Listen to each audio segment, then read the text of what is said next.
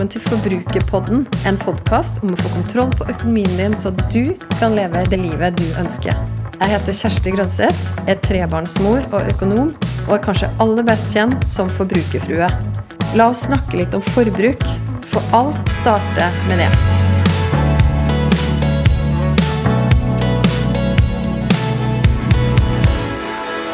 Hei og velkommen til en ny episode av Forbrukerpodden. Det er en stor glede for meg å introdusere nok en coaching-episode. Jeg er så heldig å få ha en ny gjest i studio som har sagt ja til å bli coacha av meg, og det her liker jeg skikkelig godt.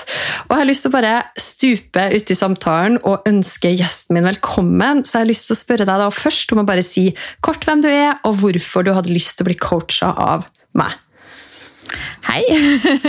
Jeg heter Sofie. Jeg er jo da bare en eh, 29 år gammel eh, fra Bergen som eh, eh, har fin, stabil jobb, har mann, har barn, har eh, hund og hus. Eh, og det jeg spurte deg om, var vel egentlig hva skal jeg gjøre med liksom Jeg har sparepenger, jeg har betaler på lånet. Men hvordan skal jeg liksom få pengene mine til å vokse der jeg vil? Jeg, jeg, føler jeg har liksom ikke noen plan da, for hvordan jeg skal spare, hva jeg skal liksom tenke på for framtiden. Nå står jeg liksom midt i puddingen og eh, må liksom lage en eller annen plan for framtiden, og jeg vet ikke helt eh, hvor jeg skal begynne. Så det er vel egentlig der det kom fra. Så så jeg din eh, lille snutt på Instagram og tenkte den traff meg veldig. så da sendte jeg en melding, og ja, da er vi her. Det er veldig spennende. Hjertelig velkommen, eh, Sofie, i studio til meg. Og Rammene for samtalen, eh, bare for å si det, det er jo at dette er jo en coachingsamtale mellom deg og meg. Og målet mitt for coachingen er at du skal sitte igjen med noen helt konkrete handlinger som du kan gjøre etter den samtalen her. Og så, Siden vi også gjør det her på lufta, så syns jeg det er litt spennende, og det ville jeg nok kanskje gjort uansett. da, og etter at vi er ferdig med samtalen, spørre deg om å reflektere og evaluere litt hva, ja, dine tanker fra samtalen. Så det er rammene i dag. Hvordan høres det ut for deg? Det høres eh, veldig bra ut, det. Mm. Helt supert. Da bare hopper vi i det. Og det jeg har lyst til å spørre deg, da, for nå har du beskrevet litt allerede om din egen situasjon. Men hvis du skal si deg for akkurat den samtalen vår i dag, hva, hva er det konkret du tenker at jeg kan hjelpe deg med i dag? Hva er den situasjonen du nå ønsker å forbedre, forsterke, gjøre noe med i ditt liv? Ja, Det jeg har tenkt litt på, er jo dette med eh egentlig litt sånn forståelse av eller det å tørre å ta risiko med penger. Fordi jeg eh, er den som tjener mest i familien. Og så kjenner jeg litt på det at eh, en mannfolk i, i, familien pleier gjerne å være litt sånn eh, eh ha, ha, litt selvtillit da, på at ja, jeg investerer pengene mine sånn, og det det gjør jeg, og noen ganger taper man på aksjemarkedet, noen ganger ikke. og sånn og sånn. Eh, mens sjøl så føler jeg veldig på den der å skulle eh, plassere penger, og hvis jeg skal plassere de, når skal jeg ta de ut, og, og, og masse sånne ting.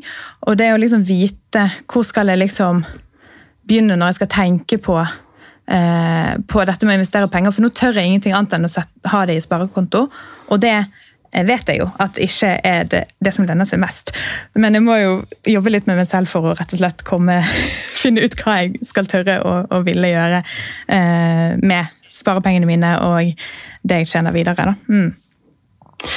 Ja, spennende, Sofie. Og det jeg hører at du sier da, er jo at du er jo den i familien som kjenner mest. Men du tenker kanskje at det er din mann og den andre parten i forholdet som er mer, mer du som må ta risiko med pengene sine. Og du står der nå at du egentlig ikke tør noe annet enn å ha pengene på sparekonto, men at du vet at det er ikke der de vokser mest.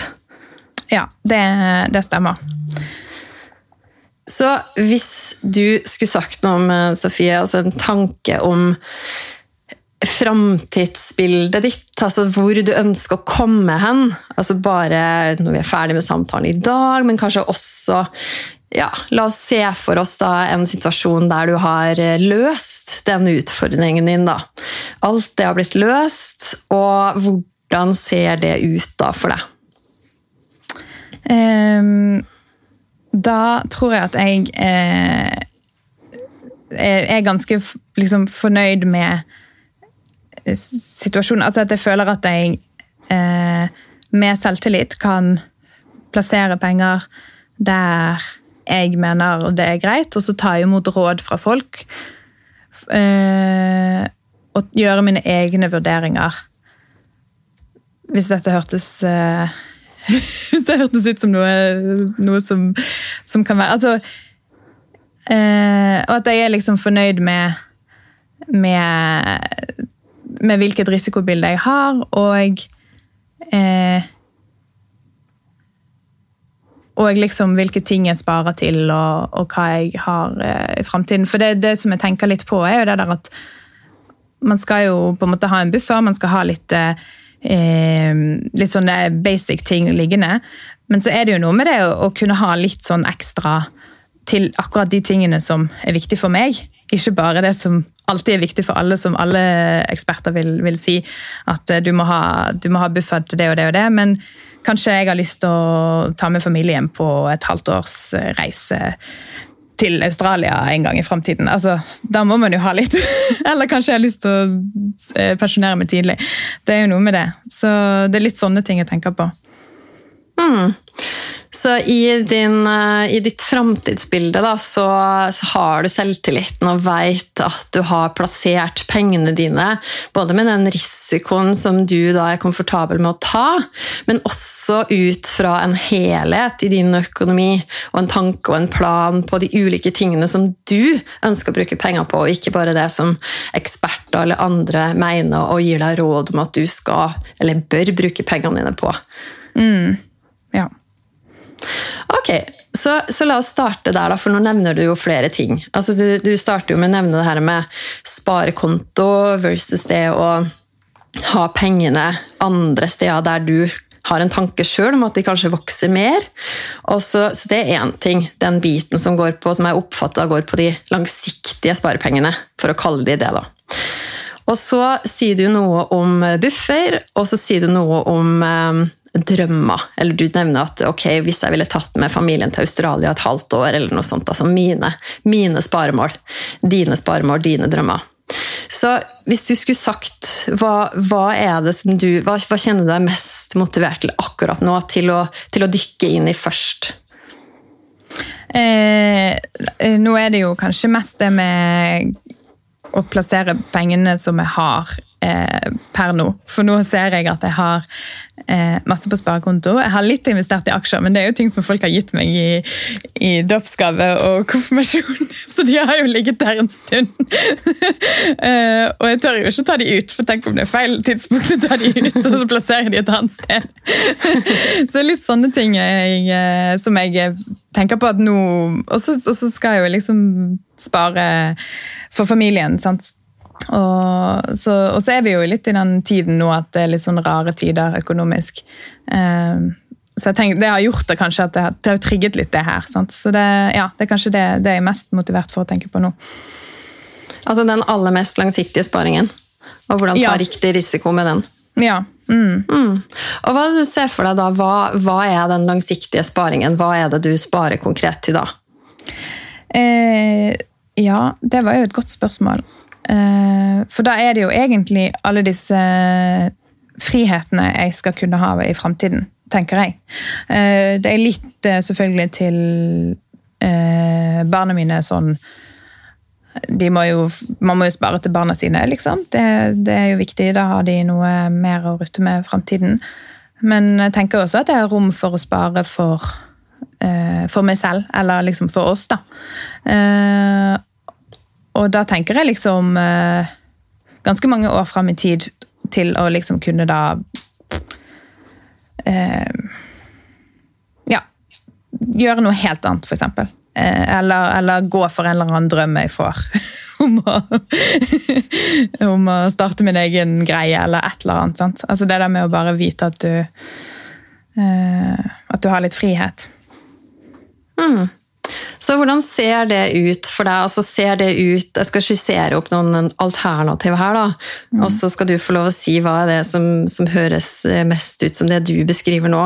Er det et sånt type Ok, jeg vil sette meg et mål om at fra Eh, jeg har blitt så og så gammel, så kan jeg leve av avkastningen på de pengene jeg har investert? Eller er det sånn ok, jeg har en konkret drøm om kanskje, som du var inne på, realisere noe, gjøre noe eget, ta pause fra den jobben du har nå, og noe, noe mer konkret på et gitt tidspunkt som du da ønsker å, å spare til? Ja, Da tenker jeg nok det er mer første alternativet. Fordi jeg vet ikke når jeg har lyst til å realisere disse tingene. Og det som hadde vært fint, var jo bare å kunne få disse pengene til å vokse så mye som mulig. Og gjøre akkurat hva jeg vil med dem på et eller annet tidspunkt. hmm. Ja. Så da, da, handler det for din del nå mye om eh, det kanskje mange ville kalt økonomisk uavhengighet? da? At ja. man på et tidspunkt kan tenke som så at vet du hva, nå, ikke nå er ikke jeg avhengig av å jobbe for å tjene penger til å ha for å leve og ja, leve mitt liv. Mm. Vil, du, vil, du, beskrive det litt mer? Altså hva, hva det, hvordan det ville sett ut i ditt liv? Eh, ja eh, Da tenker jeg at det det ser litt ut som at, at det, det, kan godt være jeg liksom fortsetter å jobbe, for det er jo veldig kjekt å jobbe, men at man da kan gå litt ned i stilling og eh, følge opp barn og sånt litt mer. Eh, eller at man kan ta og reise litt. Altså da, og da tenker jeg også at da kan man leve litt sånn Da kan man leve litt sparsommelig. Altså, sant? Da har man kanskje betalt ned ganske bra på huset, og så lenge man ikke begynner å kjøpe seg opp i nytt hus hele tiden, så klarer man jo Da har man jo plutselig ikke så mye kostnader der. Og så, og så er vi jo vant til å leve ganske sånn greit, egentlig sånn nøkternt, og da eh, kan man jo fortsette med det. og kanskje gå enda litt mer ned, og det er jo veldig sånn verdifullt.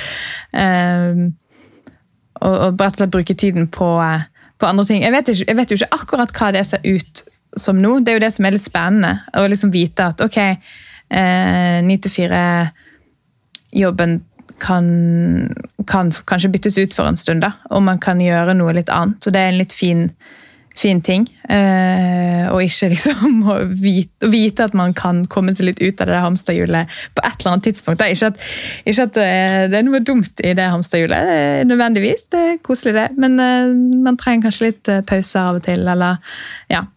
Det er litt den jeg tenker på. Jeg har jo en mann som er selvstendig næringsdrivende. Og det er noe med å liksom, Han har jo supermasse fleksibilitet, egentlig, i sin jobb. Og når du ser det hver dag, da, så tenker du bare sånn Å, hadde vært superkjekt å kunne leve litt likt som det, da. Men eh, ja. Mm. Og så nevner du jo det med boliglån, og du nevnte jo innledningsvis at du også har, eh, har bolig.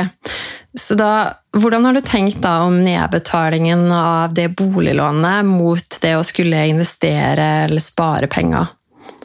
Ja, akkurat i min situasjon så er det jo litt sånn Vi, vi eier eh, på Brøk, det, det huset, og da eh, er det jo på en måte Vi må jo på en måte betale ned da, på Brøk. Og jeg har jo kapasitet egentlig til å betale ned mer, men da blir det jo til at jeg må ta opp enda høyere brøk i i boligen. Og det har vi ikke begynt å tukle med akkurat det. Så da blir det sånn Ja, vi sparer, eh, eller betaler ned så mye som han har kapasitet til, og så må jeg finne ut hva jeg skal gjøre med resten av pengene mine. Mm. For det er jo liksom det. det er jo første, første bud er jo liksom Ja, eh, betal ned lånet ditt først. Ikke sant? Det er jo det man sier. Ja, la oss dykke litt i den, da. Betal ned lånet ditt først, det er det man sier. Hva, hva, hva har du tenkt om det? Hvilke tanker har du gjort deg der? Eh, jeg tenkte at det er jo kjempelurt, men blir, jeg syns det blir litt vanskelig å skulle eh, For da er det vanskelig å regne om eh, eierfordel hvis jeg skal drive og hele tiden betale ned ekstra. Da må vi finne en eller annen måte å sno oss om på det. da. Det er jo kanskje mulig, det òg. Men det er jo litt fint for, for han også å eie. Altså, det er jo litt dumt hvis jeg kaprer hele huset. Sånn snik, snikkapring. Så jeg føler i forhold til den avtalen vi har, og, og det, så blir det mest riktig at vi bare holder på den brøken vi har, og betaler ned sånn, sånn som vi har planlagt. Ikke sant? Så der har dere en nedbetalingsplan som dere følger på boliglånet. Mm. Så alt det vi snakker om nå, det handler egentlig om, om dine penger. da. De som, mm. du, de som, du, har til overs etter at boliglånet er betalt, og etter at faste utgifter som dere også fordeler, er betalt. Mm. Så ok, men la oss, eh, la oss dykke, litt, eh, dykke, litt, videre ned i det her med det målet ditt. For nå har du jo, nå jo snakka om at eh, ok, det det ville gitt det ville vært en mer fleksibel hverdag. Du nevner jo det er en hverdag som ligner litt mer på det som mannen din har, som er selvstendig næringsdrivende i dag. Og så snakker du også om å kanskje jobbe litt redusert, eller være mer med barn osv. Hva er det du kjenner av, eh, av altså Hvis du skal sette det da, opp mot det som du snakka om i sted, med å ha litt den fleksibiliteten til å kjøpe deg ting som du også ønsker deg i dag. Hvordan, hvordan vurderer du de to tingene opp mot hverandre? Ja, det var et veldig, det var, det var et veldig spot on-spørsmål, egentlig. da. Uh, for det er, litt, det er, jo litt, vanskelig å vite hva man kommer til å sette masse pris på i framtiden. Uh, men jeg merker jo det at fritiden uh, jeg har nå, verdsetter jeg veldig høyt. Og jeg trenger ikke bruke mye penger på, på det. Det kan være en tur i skogen, liksom. med, med utstyr kjøpt på Finn, liksom. Det går helt fint. Sånn at jeg tror jeg verdsetter det eh, ganske høyt, ja. I forhold til det å liksom kunne kjøpe takeout-sushi på en onsdag. Mm. For, da, for da, mm. hvis, du da, hvis, du da, har muligheten til å gå en tur i skogen den onsdagen, så har ikke du så veldig lyst på den takeout-sushien. Da går det fint. mm. Da har du fylt på med endorfiner og lykke. Sant? Uh, så nei, det er ganske Jeg tror det er ganske Setter deg veldig, veldig høyt, ja. Mm. Så du, det jeg hører at du sier, da, at du setter det høyt, det framtidsbildet som du ser for deg, og at du også tenker at ok, de, den sushien den kan jeg faktisk droppe i dag hvis det tar meg nærmere det målet mitt. Mm. Ja. Hvor, hvor, eh, hvor, motivert blir du av å sette deg helt konkrete mål, altså tall? Da snakker jeg sånn Ok, hvis vi hadde regna på at du trenger 25 ganger inntekten din eller de pengene du trenger for å leve i dag for å bli såkalt økonomisk uavhengig og kunne leve på avkastninga av det du har investert. Altså, hvor, hvor, motivert ville du blitt av å regne på ok, men hvis jeg da sparer la oss si 40 40 av lønna mi i dag, så vil jeg kunne oppnå det innen jeg er 45. Nå bare sier jeg noen tall. Altså hvor, hvor motivert blir du av en sånn tanke om å være helt konkret på tall? Eh, ja, jeg blir nok veldig motivert av de tallene. For det er noe med å, at eh, det kan virke som en ganske fjern drøm, og så tenker jeg ja, men det kommer sikkert ikke til å skje uansett. Men hvis du vet at det faktisk kan skje, og du har litt tall å forholde deg til hver måned, så er det jo så mye lettere å forholde seg til det og vite at, at det rent faktisk um, Disse pengene som du ikke bruker på dette, det går faktisk til dette. Det er ikke bare sånn ja, nå sparer vi dette litt, og så vet vi ikke hvor effektivt det var, liksom. sant? Det er noe med det, ja. Så sånne spare Regnestykke og tall, ja. Det tror jeg er, er viktig.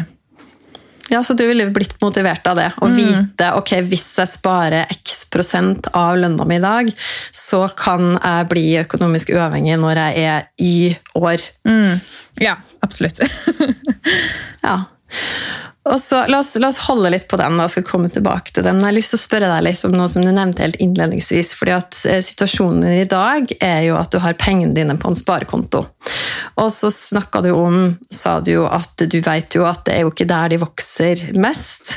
Men så sa du også at du er kanskje litt redd for å ta risiko. Kan du fortelle meg litt mer om det?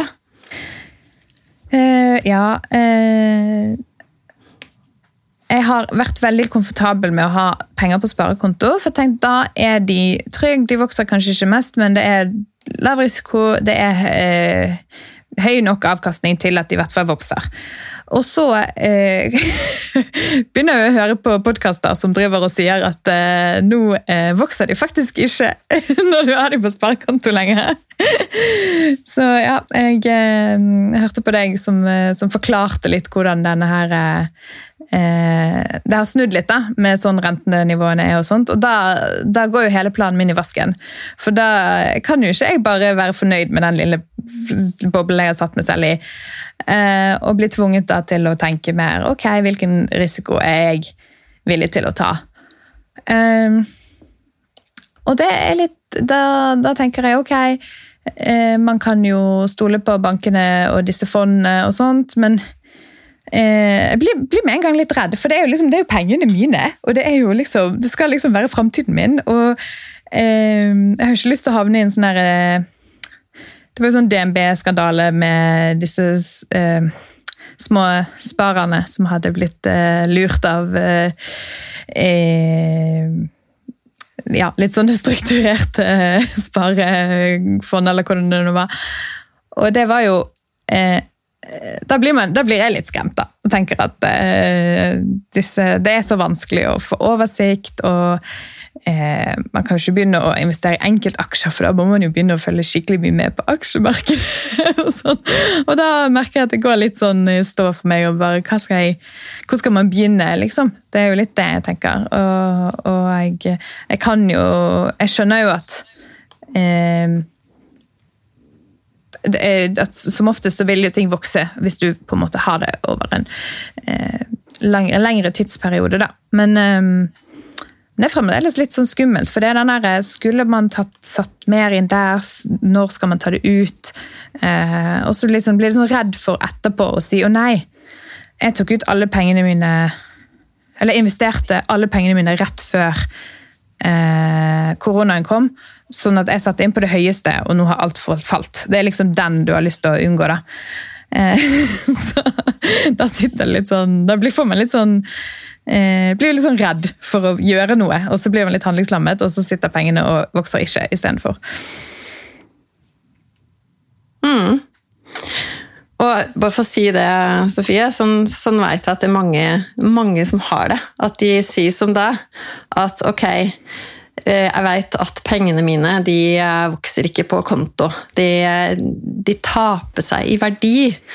Og bare for å stoppe opp med den, da, som du jo helt, eh, helt, riktig sier, så handler jo det om at eh, når prisstigninga på et punkt er høyere enn renta som du får på de sparepengene dine La oss si at prisstigninga er 2 da, og at renta på sparepengene er 1% så er jo den prisstigningen høyere enn renta på sparepengene. Det vil si at de pengene som du har investert, ja, du har jo ikke tapt på å ha de der, du har jo tjent den renta, den renteinntekten. Den er jo din, den står jo der på konto. Det beløpet som var 100, det blei på en måte 101. Men det er jo sånn at hvis de pengene da samtidig Altså hvis prisstigninga i samfunnet har vært på 2% så betyr det at sånn snittet av det vi betaler for, da, det er 2% dyrere.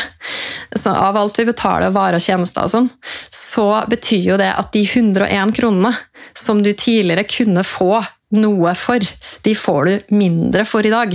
Fordi at de pengene, de pengene er jo der. Altså du, det, du, mister jo ikke, det er ingen som tar fra deg den krona som du har fått i renteinntekt. Men du får ikke like mye igjen for den krona, kan du si.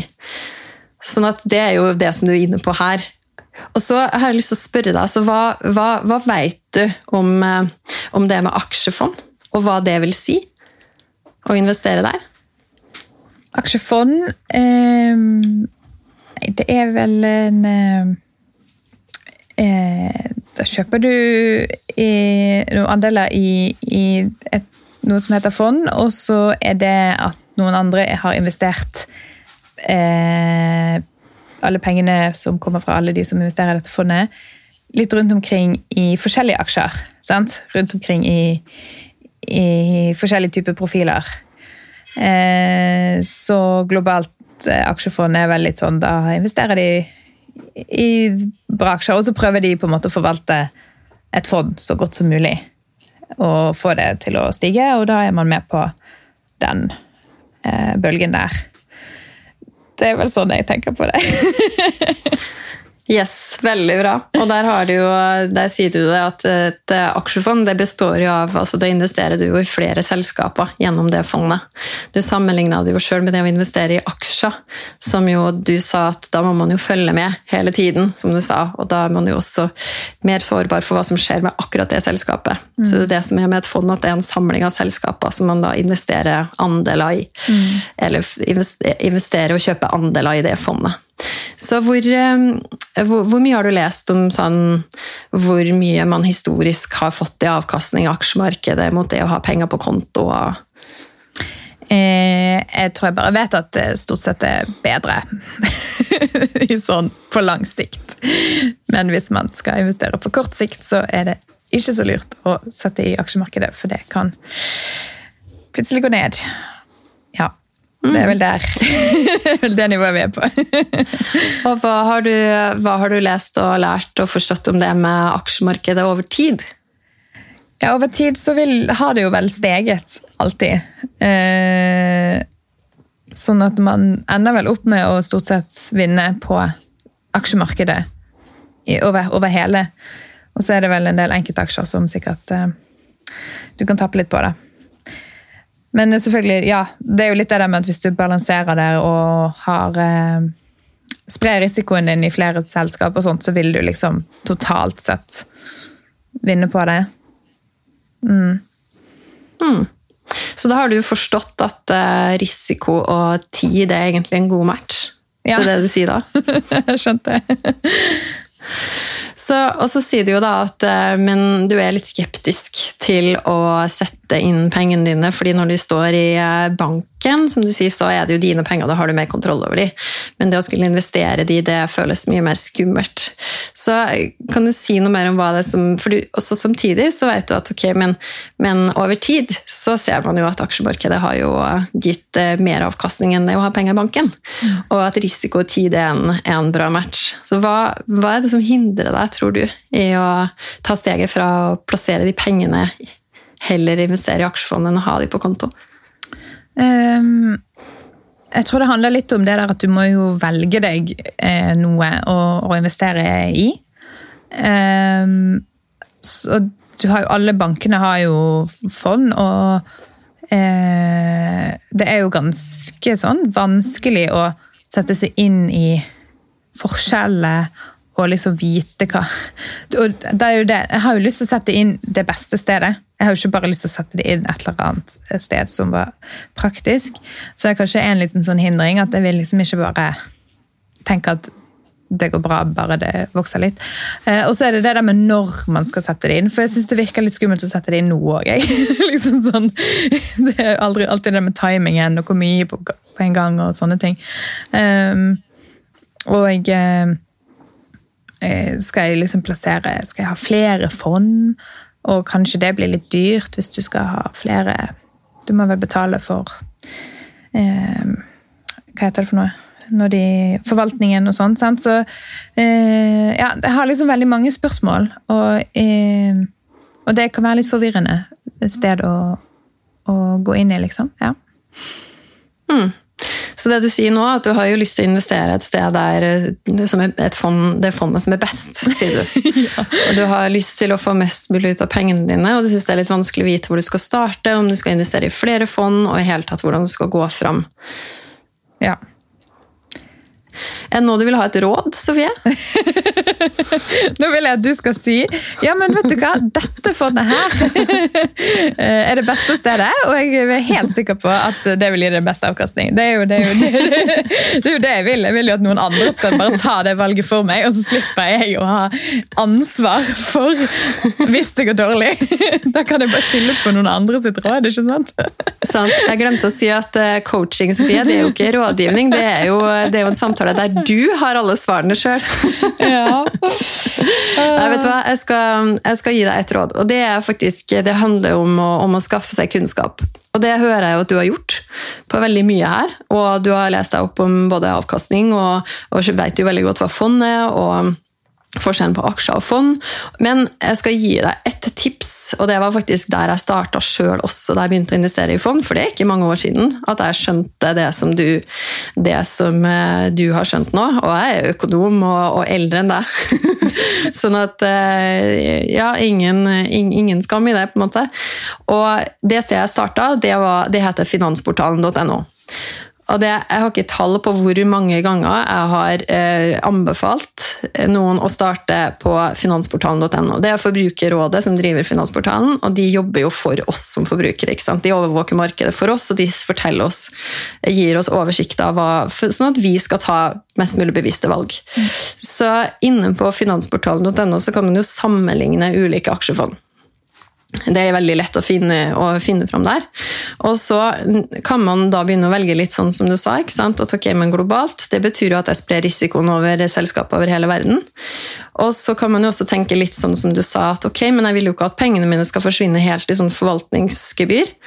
Og da er du jo fort inne på det at skal du velge et fond som noen sitter og aktivt forvalter, eller skal du velge et fond som såkalt indeksfond, eller passivt forvaltning, der det egentlig bare er en, eh, ikke er noen som er ansatt, men der det er bare en robot som skal etterligne en indeks på en, eh, en, en viss sammensetning av selskaper, som den bare skal prøve da å, å herme etter og investere i tråd med den. Så det koster jo veldig mye mindre i forvaltningsgebyr.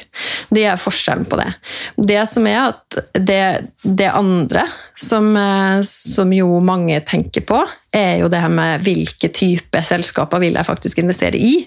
Og da kommer man jo inn på litt mer sånn hva er, hva er jeg opptatt av? Er jeg opptatt av bærekraft, miljø osv.? Mm. Og det kan man også gå inn, men, da, men det er liksom kanskje litt sånn neste steg. ikke sant? Å sette seg inn i om hvilke selskaper er jeg faktisk investerer i. Mm. Så, men aller første du uansett kan gjøre, La oss si at du ville sjekke ut da, globale indeksfond, for det er der veldig veldig mange starter. Globalt, som du sa selv, fordi da sprer du risiko over selskap over hele verden. Og indeks fordi det er billigst. og Det har faktisk også vært undersøkelser som bl.a. Forbrukerrådet har gjort, som har vist at de har ikke gjort det noe dårligere. Selv om det ikke var noen som satt og aktivt forvalta de fondene. Mm. Så hvis du da sjekker ut og går inn der Og jeg, jeg, vil ikke og jeg kan ikke, jeg skal ikke gi deg noen konkrete navn på fond, men når du går inn der, så vil du kunne søke, du vil kunne sortere f.eks. på årlig forvaltningsgebyr og se hvilket er det som er billigst, har lavest, og så vil du kunne starte med det fondet. Mm. Og så er det jo da så enkelt som å opprette en aksjesparekonto. Det kan du gjøre i din egen nettbank, og så finne akkurat det fondet mm. i nettbanken. Mm. Ja, ok, men det er jo et veldig sånn Det skal jo jeg klare. Eh, og, og, og, gå og sjekke ut jeg, hvor jeg burde begynne. Ja. Det, det, det skal vi klare. det er en fin, ja. Eh, fin hjemmelekse. Ja, for da er vi jo litt inne på altså jeg, jeg, sa jo vi skulle komme litt tilbake til det her med konkrete tall og, og mål, og sånn, men akkurat når det gjelder det med risiko, mm. som du også beskrev som en situasjon I dag har du pengene på sparekonto, du ønsker å investere, mm. så er vi, nå, er vi liksom, nå nærmer vi oss litt løsning. Så hva er da det første du ønsker å gjøre etter den samtalen her, basert på det vi har snakka om nå? Um, jeg tror jeg må, jeg må gå inn og finne ut hvor jeg vil tørre å plassere pengene mine, og kanskje få litt mer sånn eh, Berolige litt meg selv da, på at eh, pengene mine kan stå eh, relativt trygt andre steder enn på sparekonto. så da skal jeg gå inn på Finansportalen og lese meg litt opp. det andre jeg må finne ut, er jo det der med ja, regnestykket. Finne ut litt uh, tall, da. Sånn at jeg kan vite hvor mye jeg skal putte inn nå, og hvor mye jeg skal putte inn videre framover uh, av lønnen min og sånne ting. Uh, og da kan man vel kanskje ha noe på sparekonto fremdeles. Fordi man trenger jo å ha noen penger. Men ja, og så begynne å, å følge en plan ut ifra hva tallene forteller meg at jeg trenger. Kanskje? Mm. Mm. For da er du jo på den økonomiske uavhengigheten som du beskriver. da. Mm. Altså Hvis du skal regne på sånn den ytterste konsekvens, hvis du ikke hadde trengt å jobbe mer, og så kan kan du jo si at eh, nei, men det er ikke så mye penger jeg trenger. Jeg trenger ikke å erstatte hele lønna mi, kanskje jeg bare ville erstatte halve lønna mi. da. Mm. Og så ganger du opp det regnestykket, ikke sant? Ja. Med 25 Mm. og finne ut av hvor mye du eh, trenger totalt. Og så kan man jo leke seg fram med sparekalkulatorer for å finne ut ok, i dag, hvis jeg da sparer så og så mye, hvor mye vil jeg da sitte hjemme på det tidspunktet? Mm. Ja. Så hva er det neste du kan gjøre der? da? Hva er det konkrete, konkrete steget du kan ta for å komme litt nærmere de tallene? Eh, nei, da må jeg finne meg en sånn kalkulator. eh, ja, jeg må, jeg må oppsøke info om hvordan jeg skal uh, ja, regne ut rett og slett det regnestykket. Uh, men det skal vi jo klare å gjøre. Man kan vel kanskje finne det regnestykket selv? Hvis man tenker hvor mye man lever for nå, og hvor mye man skal ja, leve for da, og ja. Ja. Det skal vi klare. Sette opp litt Excel Ja. og sånn. Ja, for hvis du, hvis du legger til grunn da, at du vil Altså det beløpet som du trenger, om det er hele inntekten din, om det er halve inntekten din, det, du vil, det beløpet du vil være uavhengig på, da, så kan du jo bruke den formelen hvis du ganger det med 25. Og grunnen til det er jo at man sier at hvis du da har fått det beløpet på et gitt tidspunkt, og da begynne å bruke 4% av det beløpet, så vil du på en måte aldri gå tom. Mm, sånn, ja. ja sånn at hvis du finner ut, og det beløpet da, som du må finne, det er jo ikke nødvendigvis da hele lønna di. Det kan jo være en andel av lønna di, som du ønsker, eller den andelen da, som du ønsker å tenke at ok, men det her kan jeg faktisk bytte ut lønna mi med på et tidspunkt. Mm. Og Ja. så, når du har funnet, funnet det tallet, er derfor jeg sier sparekalkulator, fordi at hvis du da legger inn og regner med en, en gitt avkastning, og det, det her er typisk som jeg tenker at vi kan se på sammen også i ettertid av den samtalen her. Mm. Når du har funnet litt mer dine tall, og sånn, så kan vi følge opp, følge opp det. Ja. Og jeg, det er kjempespennende Ja, å guide deg gjennom det. Kult. Men, men det første steget er vel uansett å finne det tallet ditt. Ja, sant. Jeg må finne mitt, eh, mitt eh, mål, rett og slett. Hva vil jeg klare meg med, og når? Ja. Mm. Ja, ja men det, kan vi, det skal vi tenke på. Det blir spennende.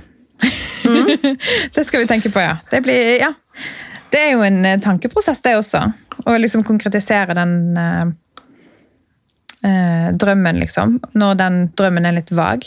Eh, så blir Det krever jo litt eh, Og det er litt kult, syns jeg. Tenke litt mer på hva det faktisk eh, Hvordan fremtiden har lyst, har lyst til fremtiden skal se ut. Mm. Spennende. Ja. Så da, det høres ut egentlig da, som vi har kommet fram til en plan, der du har to konkrete steg, hvor det ene er Finansportalen, og sjekke ut det med fond, og gjøre deg kjent med det. Som du sa, sånn at du kan eh, kjenne deg trygg på ok, hvis jeg skal velge å plassere pengene mine et annet sted enn konto, så må jeg finne, finne ut av det. Og da er Finansportalen det stedet du kan starte. Og så er det andre, det handler om det konkrete målet. På hva vil det si, hvor mye trenger du? Ja. Og sammenligna da med den inntekten du har i dag, hvor mye, hvor mye ønsker du av den? da? Er det, er det 100% av den som du må ha spart opp på et gitt tidspunkt, og legge inn det i regnestykket, eller er det andel av den som du ønsker å ha spart opp? ja. Men da er mitt neste spørsmål når har du tenkt å gjøre det?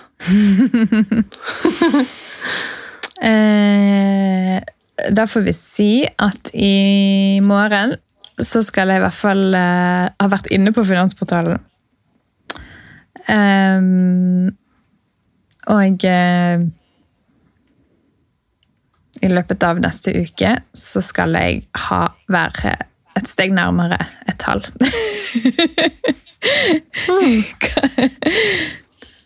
Så da er jo spørsmålet mitt om jeg får lov til å spørre deg i morgen kveld om du da har vært inne på Finansportalen, og om jeg får lov til å spørre deg om en uke fra nå om du har kommet et steg nærmere, og hvordan det går med det tallet. Ja, det skal du få lov til. Det håper jeg du gjør. Ja, det skal jeg gjøre. Jeg må, trenger, bare, trenger bare at du gir meg lov til det, så skal jeg følge opp. Så bra. Nei, men Veldig bra. Da har vi en plan. Ja, spennende. Gøy.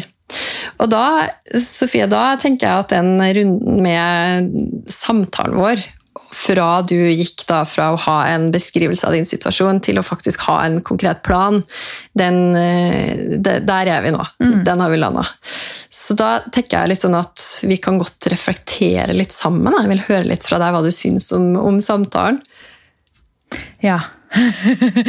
Går rett over i reflekteringsmodus. Eh, jeg merker at jeg er veldig sånn eh, optimistisk.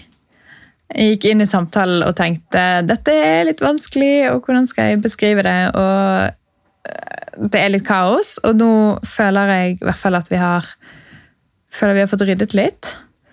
Eh, og så føler jeg også at eh, når jeg, snakker, når jeg sier dette høyt, så kan jeg tenke at andre også kjenner seg igjen i det. Og det føles, det føles litt godt. Jeg håper i hvert fall andre kjenner seg igjen i det.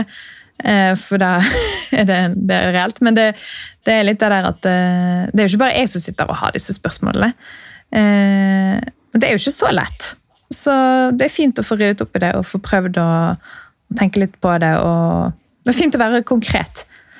Det er noe med det. At ting blir veldig sånn eh, skummelt når det er vagt og stort og, og aksjemarkedet. Eh, men når du tenker på å få satt litt mer eh, konkrete planer, da, så blir det litt lettere å tenke på det og håndtere det. Mm. Så dette var veldig nyttig. Jeg guidet gjennom noe. Havnet jeg på andre siden her og følte meg mye, mye bedre enn jeg gjorde da vi kom inn. Ja, så bra. Det er jo eh, Jeg tenker jo, hvis jeg skal reflektere litt fra min side, så er det jo altså noe av det som er så kraftfullt med coaching, er jo at du faktisk innser at du har jo svara sjøl. Eller må finne ut av noen ting, da. Men det er konkret, som du sier. Og jeg syns jo det var kjempegøy å snakke med deg om altså Først fra å være litt sånn nei, skeptisk pga. det og det og det, og så spør jeg deg ok, men hva vet du om de ulike tingene, så vet du jo masse. Og så handler det kanskje bare det om, om det å, å ta det konkrete første steget, da. Og det er veldig kult. Det er utrolig ja, motiverende å tenke der er det mange som kjenner seg igjen. Så det har du helt rett i. Veldig gøy. Nei, også, også digger jo jeg når vi kommer fram til en så konkret plan, da. Så det blir jo spennende. Ja, det er kult. Veldig bra. Du vet hva, Sofie, eh, det her er kjempespennende. Vi, vi skal jo holde kontakten videre, da, selv om vi avslutter den eh, samtalen her nå. Men jeg vil bare si tusen hjertelig takk for at du ville stille opp som gjest og bli coacha. Jeg vet at det krever en god del mot faktisk, å stille opp sånn. Og du vet jo ikke helt hva du går til, men jeg vil si tusen takk. Og det er også både for, for min del at det var veldig fint å snakke med deg, men også på vegne av de som da hører på, som helt sikkert kjenner seg igjen i, i flere av de tingene som du beskriver. Så det vil jeg takke deg veldig for. Takk for en veldig fin samtale. Jeg fikk masse ut av dette her, så jeg er bare fornøyd. Jeg vil gjerne vite hva du tenker etter å ha hørt episoden. Så koble med meg på Instagram. Der finner du meg som forbrukerfrue. Send meg en melding. Tagg meg gjerne i story og del episoden her hvis du likte den. Eller send meg spørsmål. Og husk å abonnere på podkasten Forbrukerpodden, så får du beskjed hver gang det kommer en ny episode. Vi høres!